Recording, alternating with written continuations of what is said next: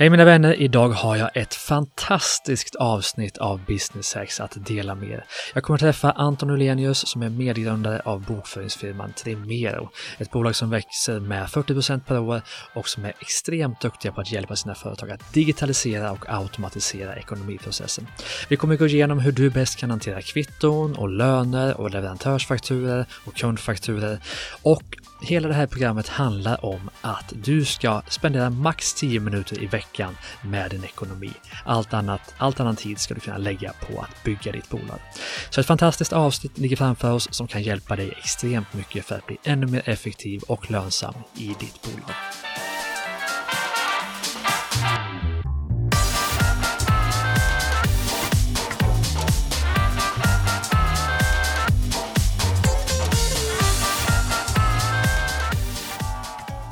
Hej mina vänner och välkomna till Business Hacks, podden där du lär dig allting om hur du bygger ett fantastiskt företag. Här träffar vi Sveriges absolut främsta experter och går in på djupet på ämnen som försäljning, sociala medier, marknadsföring och effektivitet. Idag har jag med mig ingen mindre än Anton Ulenius. Välkommen till Business Hacks Anton. Tack så mycket. Du är ju en av de absolut främsta experterna på hur man bygger digitaliserade och automatiserade ekonomiprocesser. Det låter ju inte jättekul. Jo, det är klart det är jättekul. Men berätta mer för oss, vem är du?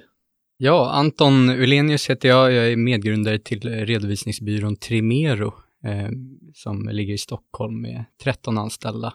Precis. Och ni har ju hjälpt eh, väldigt många bolag, speciellt eh, unga tillväxtföretag kan man väl säga, att eh, både då digitalisera och effektivisera ekonomiprocessen. Och det här är någonting som jag tänker att många företag glömmer bort. Man kör som man alltid har gjort, man har kvittohögar hit och dit och man har fakturaprogram som byggdes på 80-talet och det finns ju idag väldigt, väldigt många sätt att både automatisera och digitalisera den här processen.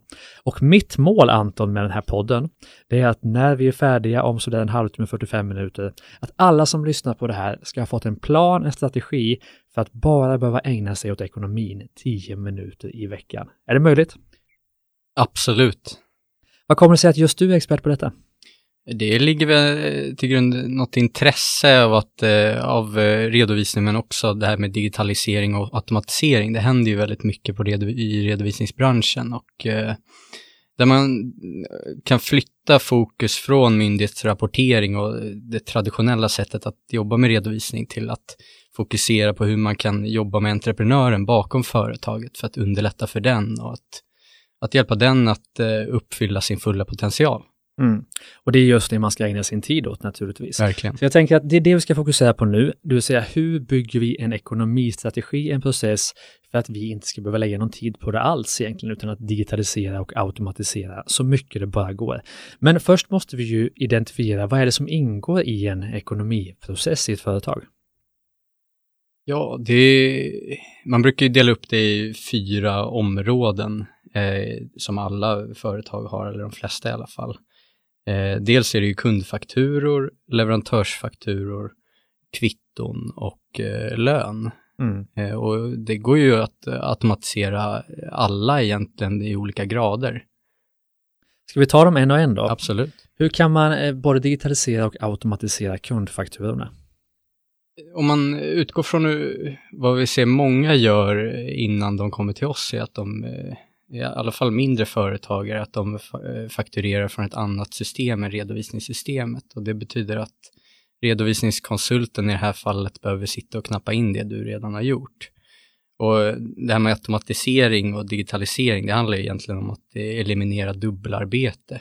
Mm. Att eh, du har ju redan skrivit in allt. Eh, med kundfakturor, eh, steg ett är då att man, eh, att man gör kundfakturorna i, i bokföringssystemet.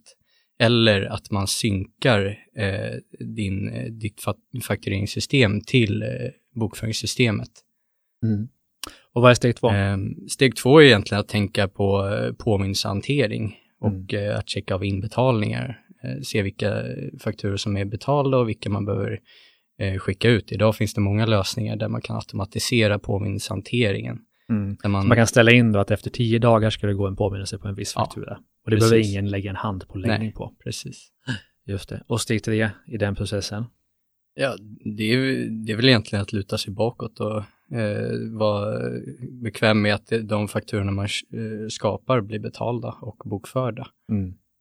För det tänker jag att som vi har gjort då i, eller jag har gjort i mina bolag, det är att jag eller någon annan i företaget skickar fakturan och sen går påminnelsen iväg per automatik och sen kommer våra redovisningsbyrå tillbaka om det är någon som inte har betalt efter påminnelsen och säger ska vi skicka det här till inkasso eller vill du höra av dig till kunden?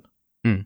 Och då blir det väldigt smidigt. Ja, precis. För fakturan kan du faktiskt skicka själv, det är ju inget jobb. eh, Nej. För har Nej, Nej, sålt precis. in någonting till kunden. Så där har vi ju en, en ganska enkel lösning. Och, eh, men om vi tar och står vidare till leverantörsfakturorna, hur ska vi behandla dem? Eh, Ja, det handlar ju om att ställa om hela flödet.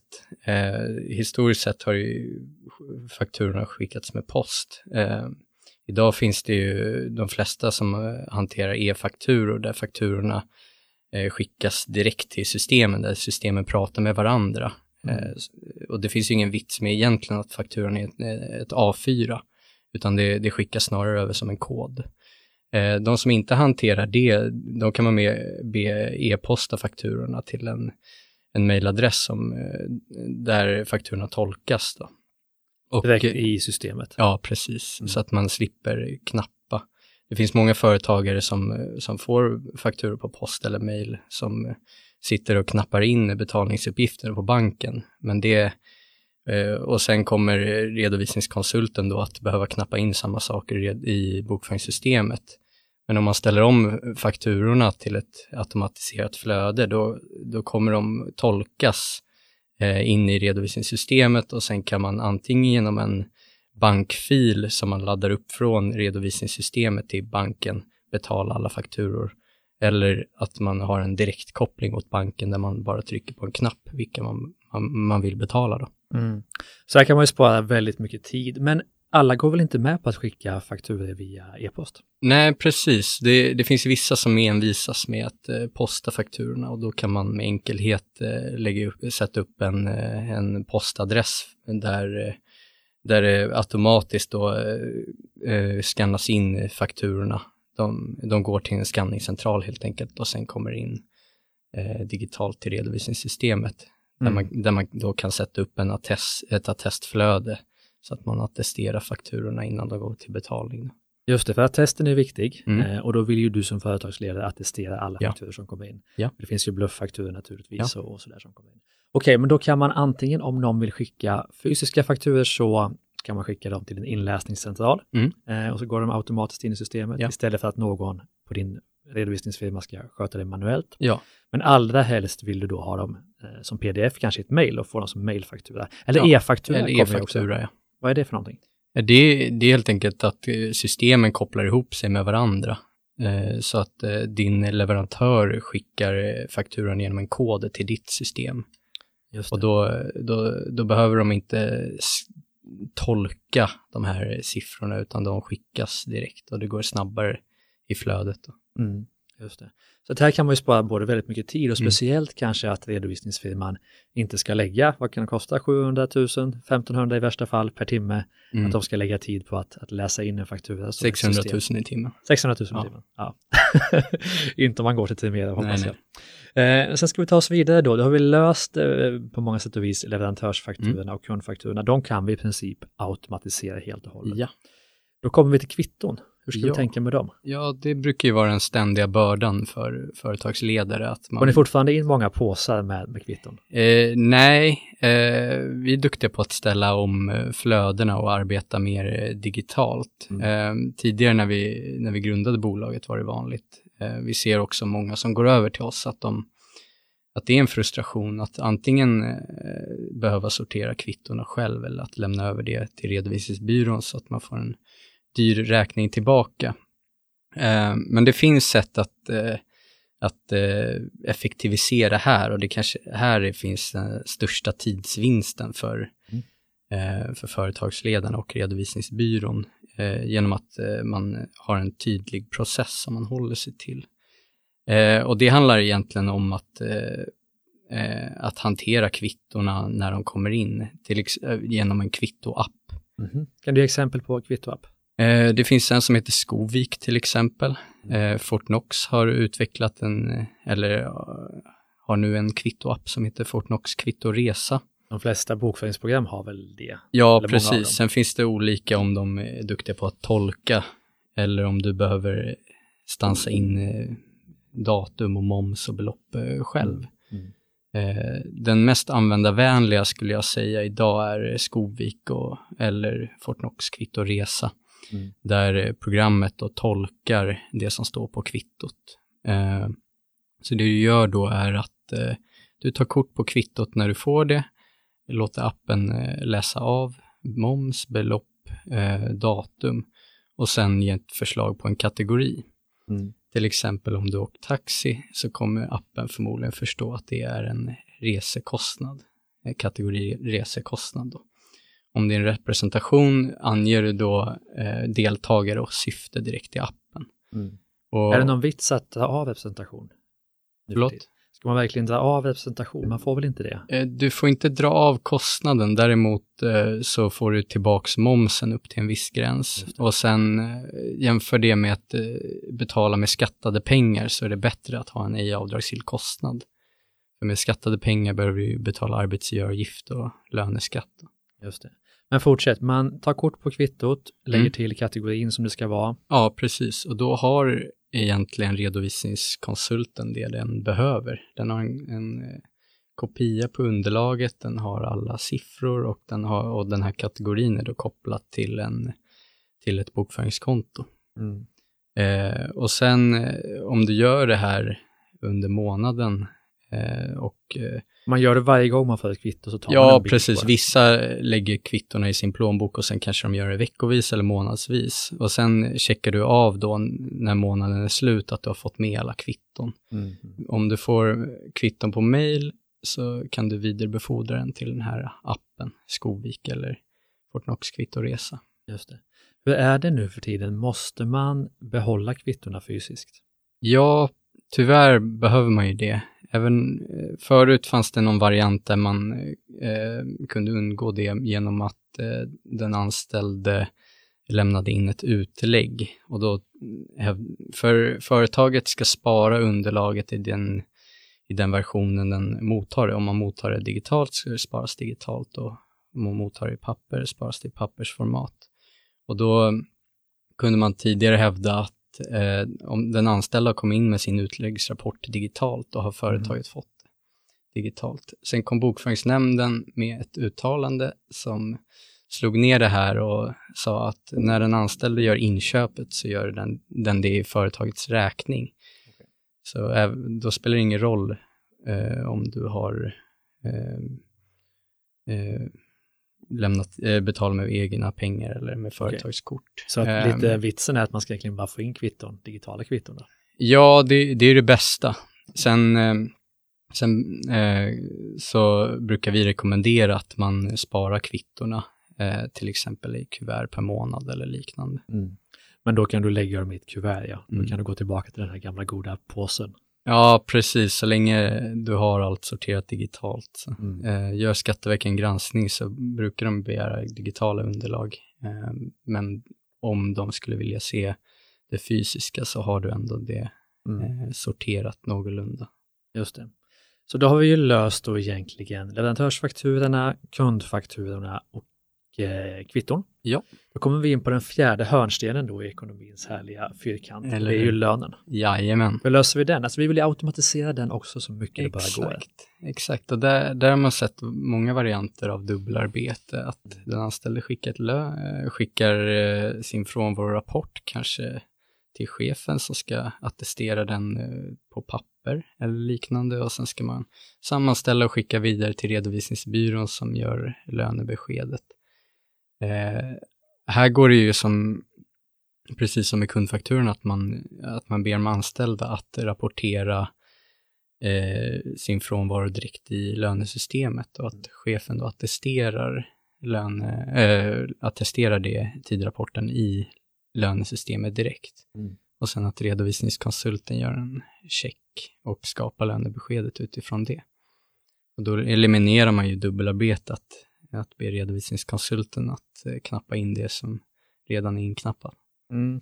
Ja, men så har vi, har vi gjort att den anställde får själv rapportera sin lön och Mm. frånvaron hit och dit. Mm. Och sen så får jag då som vd bara säga OK på det. Ja. Eller inte. Exakt. Och då behöver ju inte redovisningskonsulten göra någonting egentligen.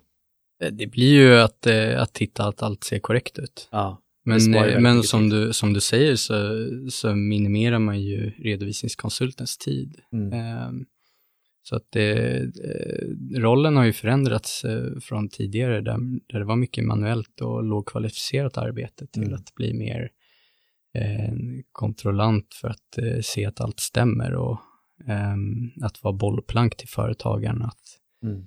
att sätta upp och hålla koll på de här processerna snarare än att man är den som sitter och knappar. Just det.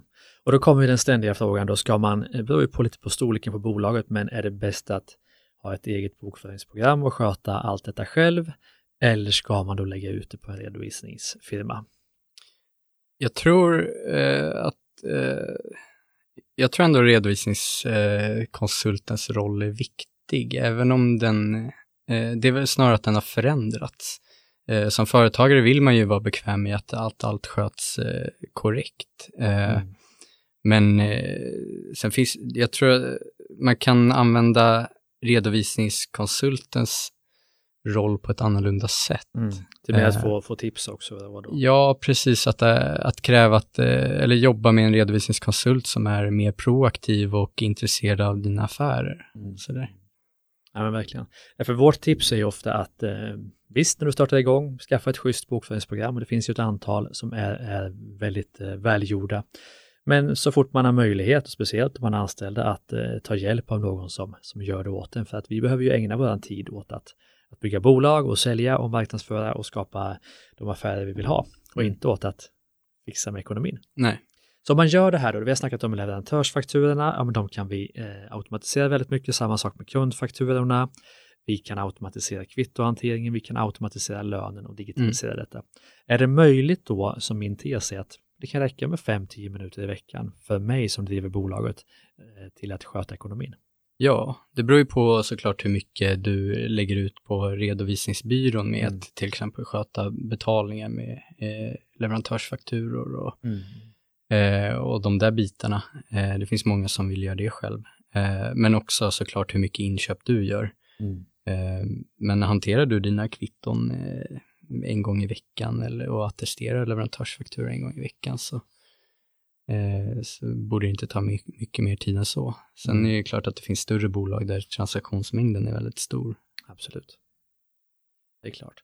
Och eh, jag tänker så här då, förutom eh, alla de här fyra delarna som vi varit inne på så är det ju otroligt viktigt att, att det finns någonting att följa upp emot. Mm. Eh, och alla som lyssnar på det här har ju koll på att man behöver en resultatbudget och en balansbudget och en, eh, kanske också en likviditetsbudget. Men mm. det är väldigt viktigt, tänker jag, att få in det här i systemet så att du har någonting att jämföra mot och kanske också då ta fram relevanta nyckeltal. Mm. Hur vet man vilka nyckeltal man ska ha? Men det där är väl ett eh, jättebra exempel på hur man kan använda sin redovisningsbyrå. Att, att välja en redovisningsbyrå som inte jobbar för, för att göra de här lågkvalificerade utan tycker snarare att det är kul att, att bidra på ett annat sätt, till exempel som ekonomiskt bollplank, som att eh, välja ut nyckeltal och, och hjälpa en att följa upp det. Mm. Men ge mig bara eh. exempel på, alltså vi har, säg att vi har ett mindre bolag, ja, vi är tio ja. anställda, eh, som kan tänka mig att många som lyssnar på det här driver den typen av mm. bolag. Vilka är vanliga nyckeltal? Är det helt olika från bransch till bransch eller ser de ungefär likadana ut? Eh, vi brukar kolla på mycket eh, marginaler på olika nivåer. Mm. Det här är vanligt vid tjänstebolag. Ehm, om man tänker på en vanlig resultaträkning så hamnar, så hamnar lönekostnaderna längst ner. Mm. Och det, det, är inte helt logiskt eftersom i tjänstebolag är lönekostnader ofta de rörliga kostnaderna då vill man ju lyfta upp dem så att man tittar på vad tjänar företaget efter man har betalat för de rörliga kostnaderna? Mm. Alltså intäkter minus lönekostnader och andra rörliga kostnader. Så då, då kan man lyfta upp eh, genom då analysverktyg, eh, lyfta upp eh, lönekostnaderna eh, så att man kan se en marginal där. Mm. Vilken, och sen är det klart att det är olika i olika branscher, men man kanske sätter ett mål att man vill ha en marginal på 50% innan man har fått dem att stå för de eh, fasta kostnaderna, som till exempel lokalhyra mm. och sådär. Just det. Eh, och i andra branscher kanske det är 20 Mm. Eh, men, men genom att, att tänka ut vilka nyckeltal och, hur, och drivkrafter i företaget så kan man eh, bli bättre på att fatta ekonomiska beslut. Så eh, svaret är väl att eh, det beror på väldigt mycket vilka olika branscher det är. För mm.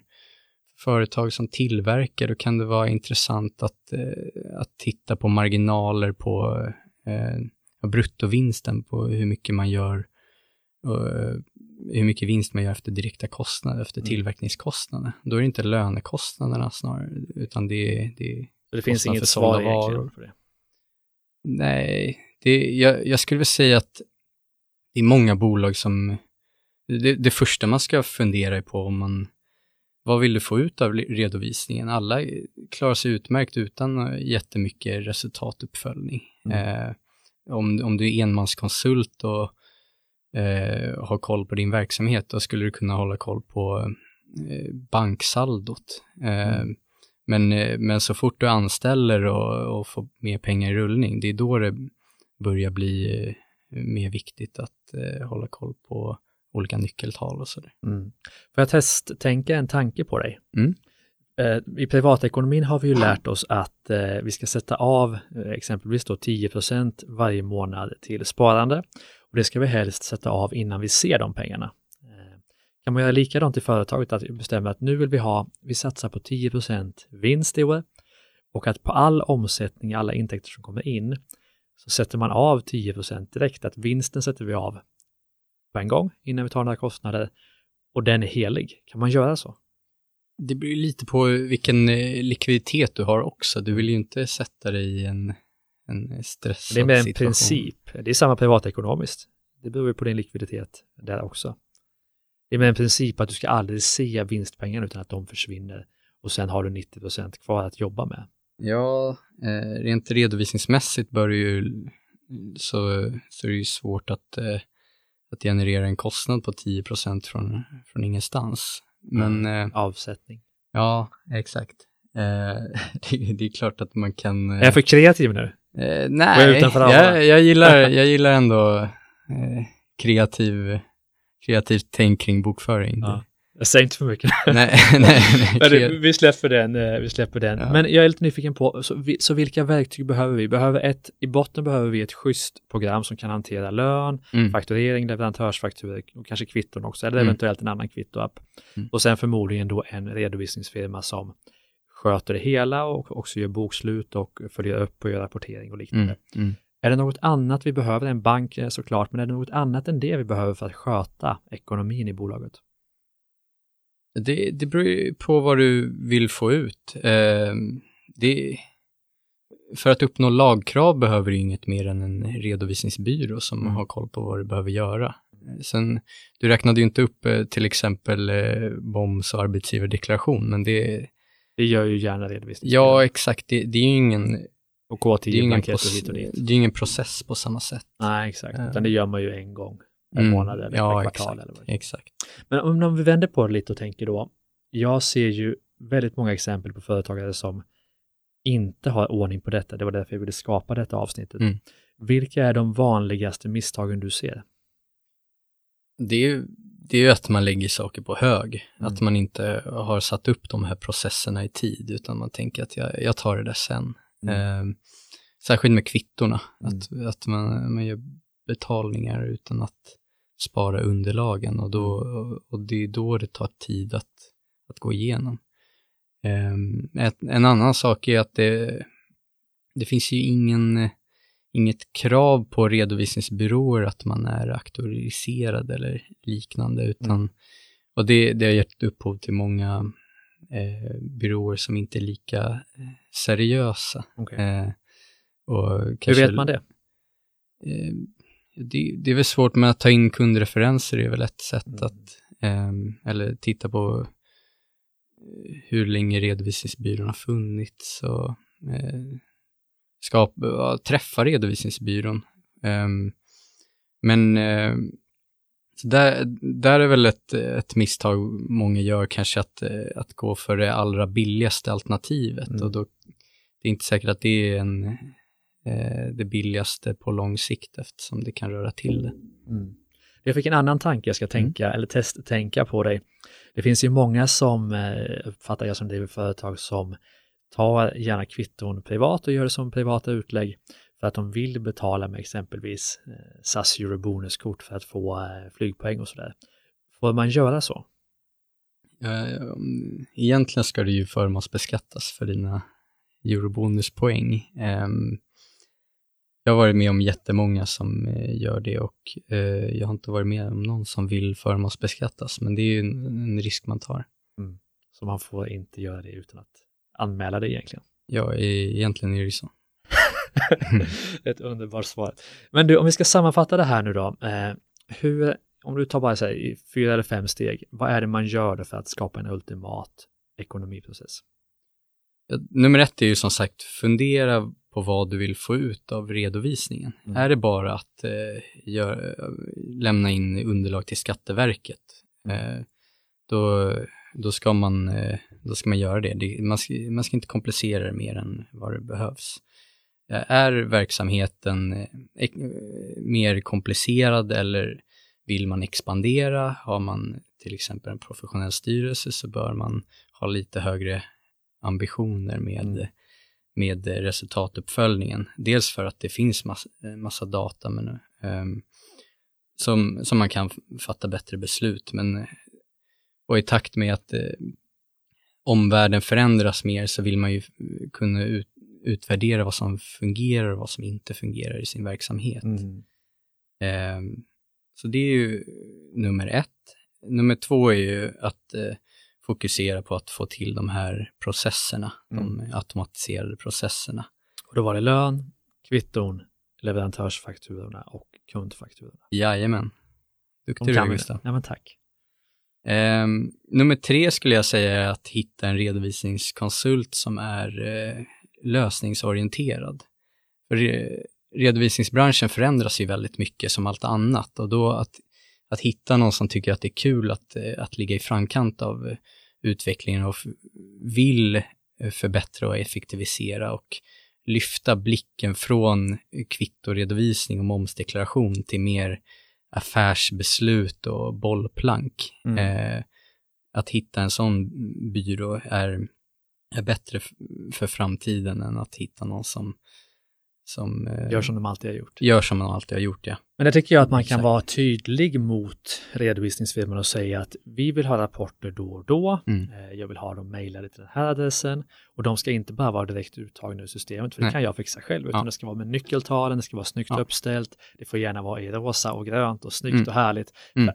Vad fan, ursäkta att jag svär, alla rapporter man har fått i alla år är ju aptråkiga mm. och det behöver ju ni mm. som, som byråer ta åt er. Ja, och det andra är också att, att vara extremt proaktiva. Det är det man vill ha mm. från en firma. Mm. Inte att någon lägger in bokföringen utan att mm. som säger till att om du gör så här så kan ni tjäna mer pengar. Om du tänker så mm. här får ni högre marginal.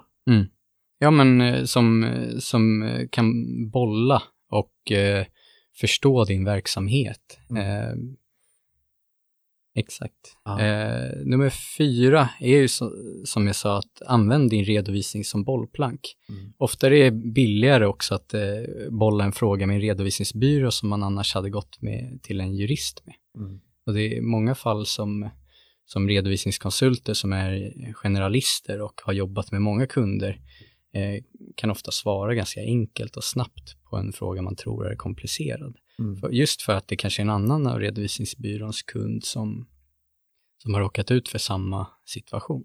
Mm. Eh, redovisningsbyrån sitter också på många kontakter eftersom, eh, ja, eftersom man jobbar med många kunder mm. och träffar mycket människor. Exakt, så man ska verkligen utnyttja den filmen man har valt, ja. eh, både för kontakter men också för att verkligen få dem att vara proaktiva och bidra med all den kunskap ja. de har, vilket jag uppfattar att många är väldigt dåliga på. Ja. Eh, så det är väldigt tacksamt tycker jag att du ger det eh, tipset. Mm.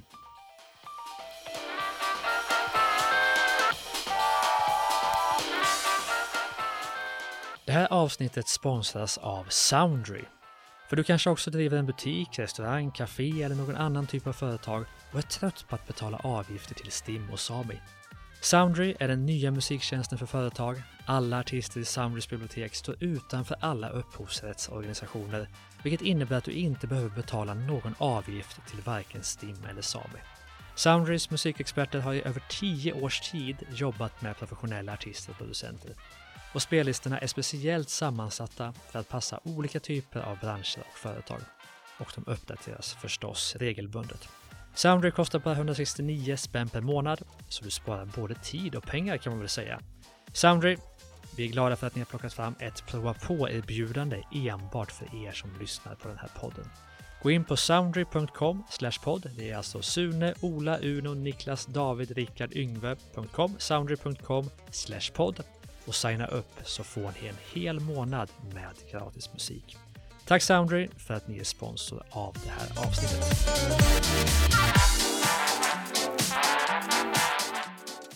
Som ni vet mina vänner så handlar ju Business Hacks om att ge er som driver företag tips. Och något som många företagare kämpar med är att få finansiering och att få kassaflödet att gå runt. Och även om du tjänar pengar kan det krävas investeringar i lager, ombyggnad eller personal och det är därför vi är så glada att kunna tipsa om vår sponsor Froda. Froda hjälper dig genom att erbjuda smarta finansieringslösningar. De har ett enkelt och smidigt företagslån riktat till dig som driver ett mindre företag och som behöver kapital. Ansökan är helt gratis och den görs online på bara några få minuter med hjälp av mobilt bank-id. Inga dokument behöver skickas in, ingen krånglig admin, precis så enkelt och smidigt som det behöver vara för företagare som har lite tid. Så klicka in dig på froda.se businesshacks. Just nu får du 10% rabatt på låneavgiften när du ansöker med koden businesshacks. Tack Froda för att ni gör det enklare för oss att driva företag.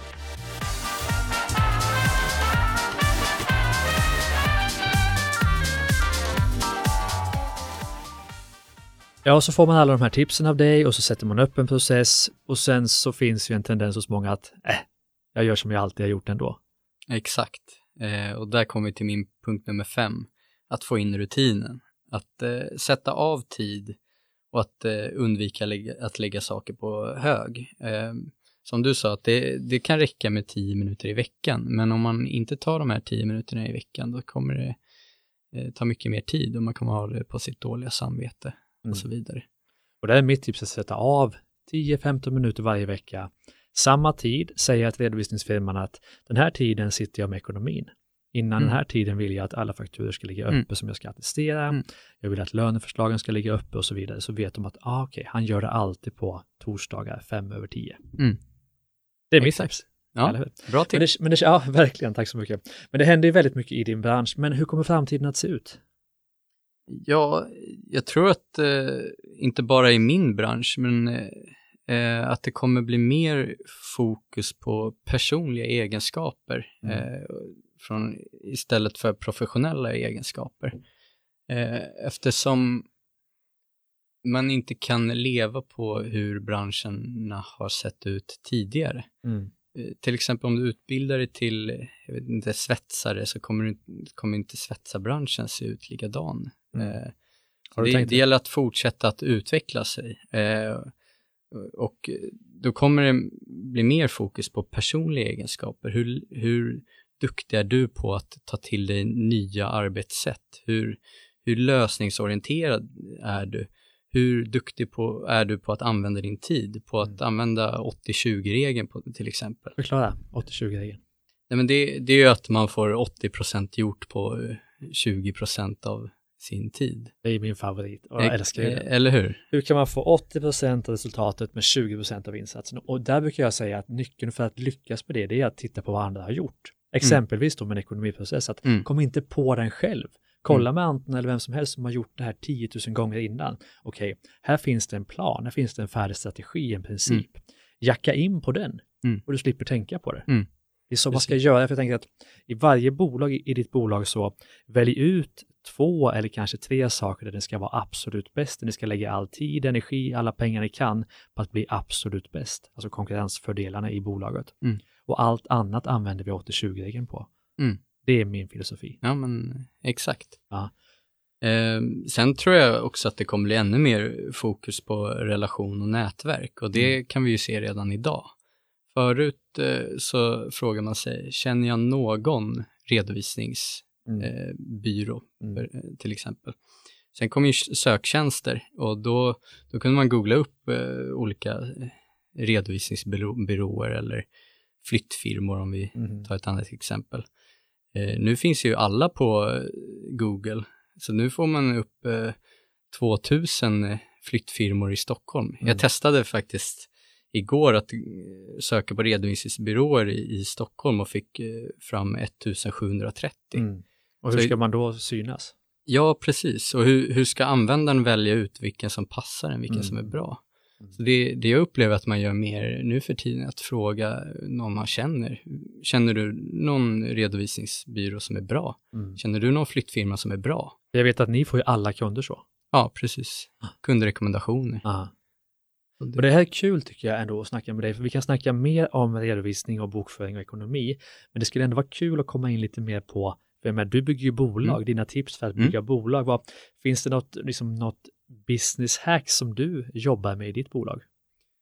Det, det handlar om att fokusera på vad, vad gör ditt bolag unikt? Mm. För allt går egentligen att kopiera. Någon annan kan starta en, en likadan podd som Business Hacks och, och spela What? in den. Eh, vad sa du? What? What? eh, någon annan kan starta en redovisningsbyrå och jobba med Fortnox och om du, någon annan kan utveckla en, eh, en eh, egen programvara för, för vad du än gör. Men det som inte går att kopiera, det är ju företagskultur Mm. och, och människorna. Det kan, du inte, det kan du aldrig kopiera. Och hur har ni gjort för att jobba med den? Eh, vi fokuserar jättemycket på att eh, se till att personalen är, är glada på, och eh, eh, trivs på jobbet. Mm. Att de utvecklas. Att de är med och bygger företaget. Att, eh, att, man, eh, att man litar på varandra, ställer upp för varandra. Det, det är så vi, vi bygger vårt företag. Berätta om den här boken du tipsade mig om. Eh, jo, den heter ehm, Reinventing Organizations av eh, Fredrik Lallö som går in på ett nytt sätt att driva företag. Där, eh, och först gick han igenom då hur, hur organisationsutvecklingen har sett ut under mänsklighetens historia. Att I början var det mer den starka som leder gruppen.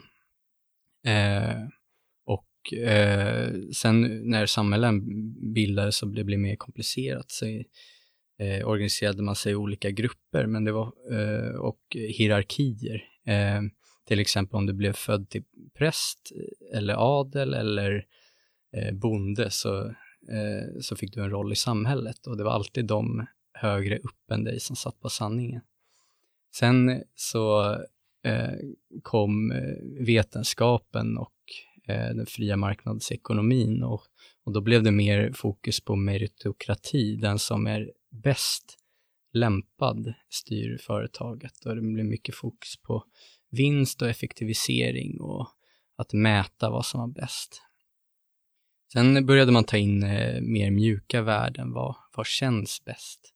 Mm. Vad, förstå att människor pres, spe- presterar bättre när man, när man trivs på jobbet och medbestämmande och den där biten. Och det, det som boken går igenom då, det är ju ett företag som har nått nästa nivå.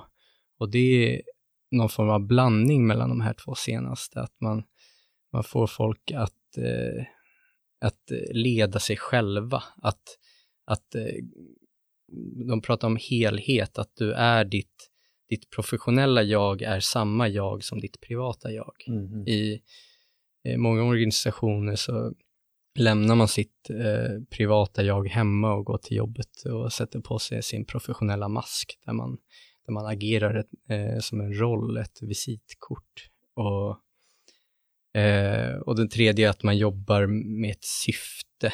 Mm. Eh, ma- man jobbar mer mot ett syfte och det är inte, det är inte att maximera vinsten utan, utan eh, att eh, maximera vinsten, det, det är snarare något, eh, ett resultat som blir av att agera av de här principerna. Mm.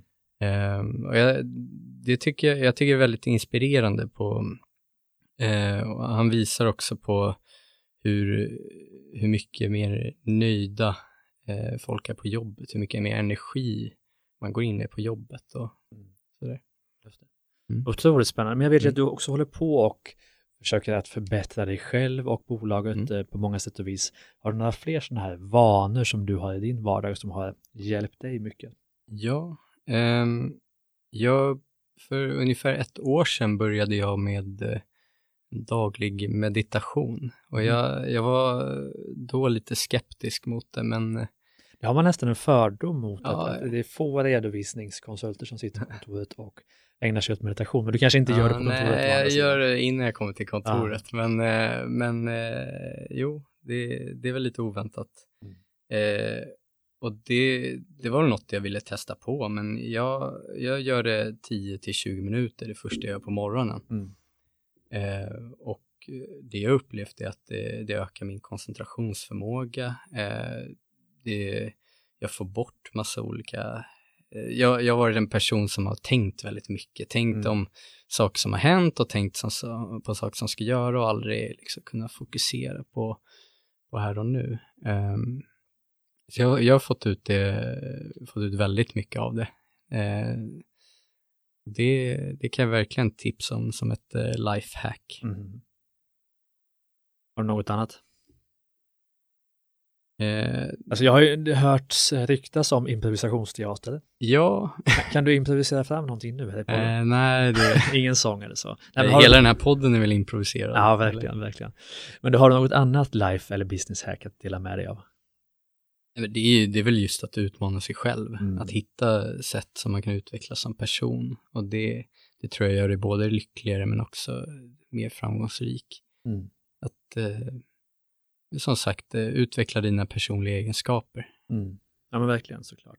Men du, är det någonting vi har missat nu? För nu har vi gått igenom, vi har gått igenom kvitton och löner och fakturor hit och dit.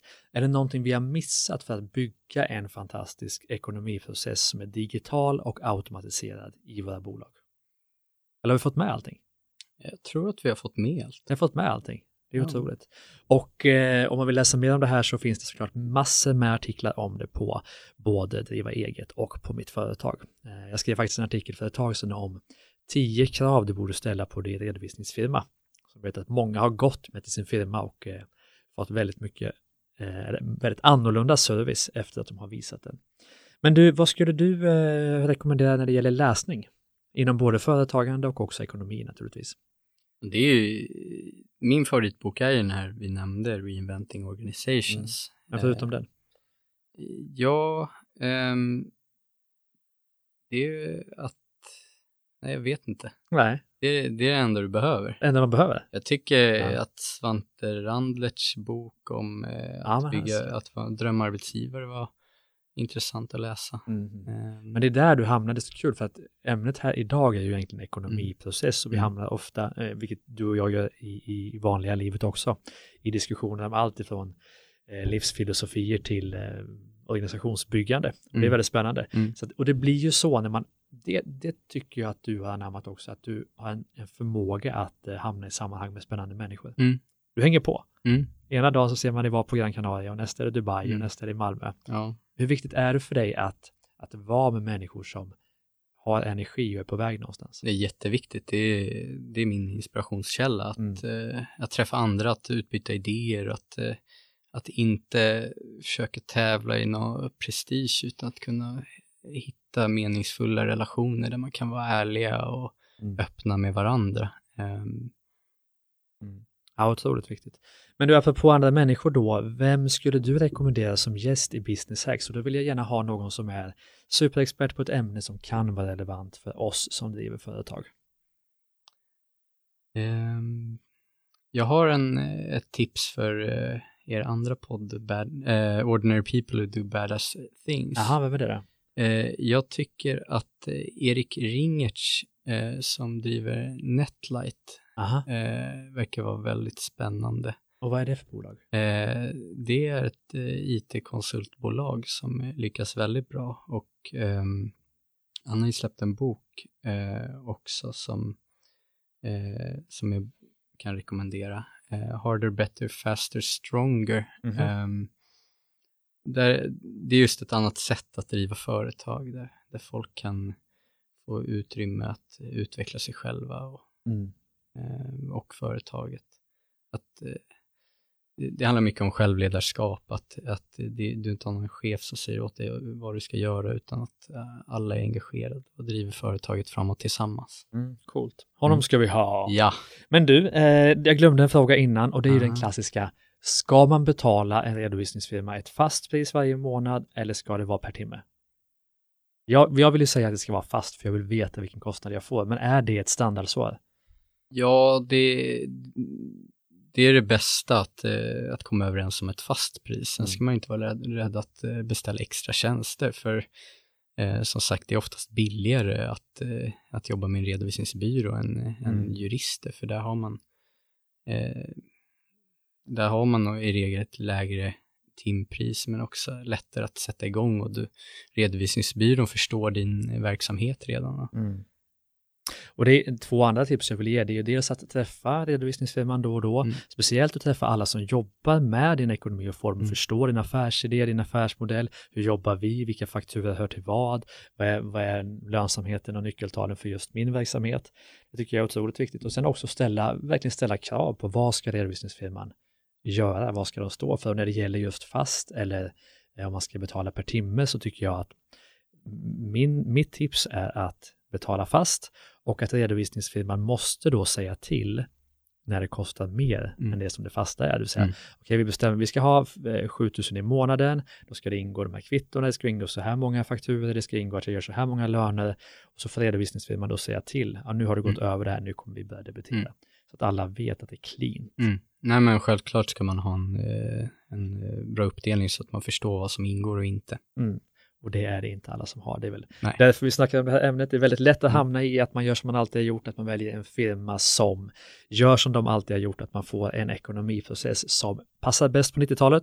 Och där ska vi inte vara. Det är därför vi har det här samtalet med Anton Ulenius idag. Anton, stort tack för att du ville komma till Business Hacks. Tack så jättemycket.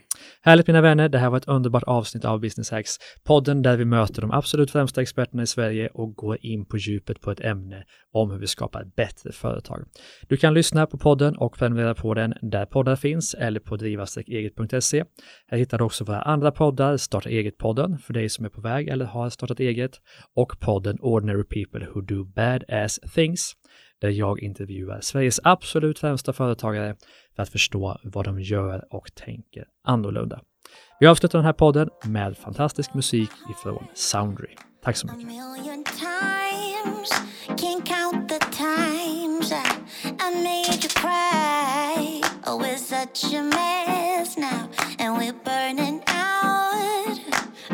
so sad never thought of you.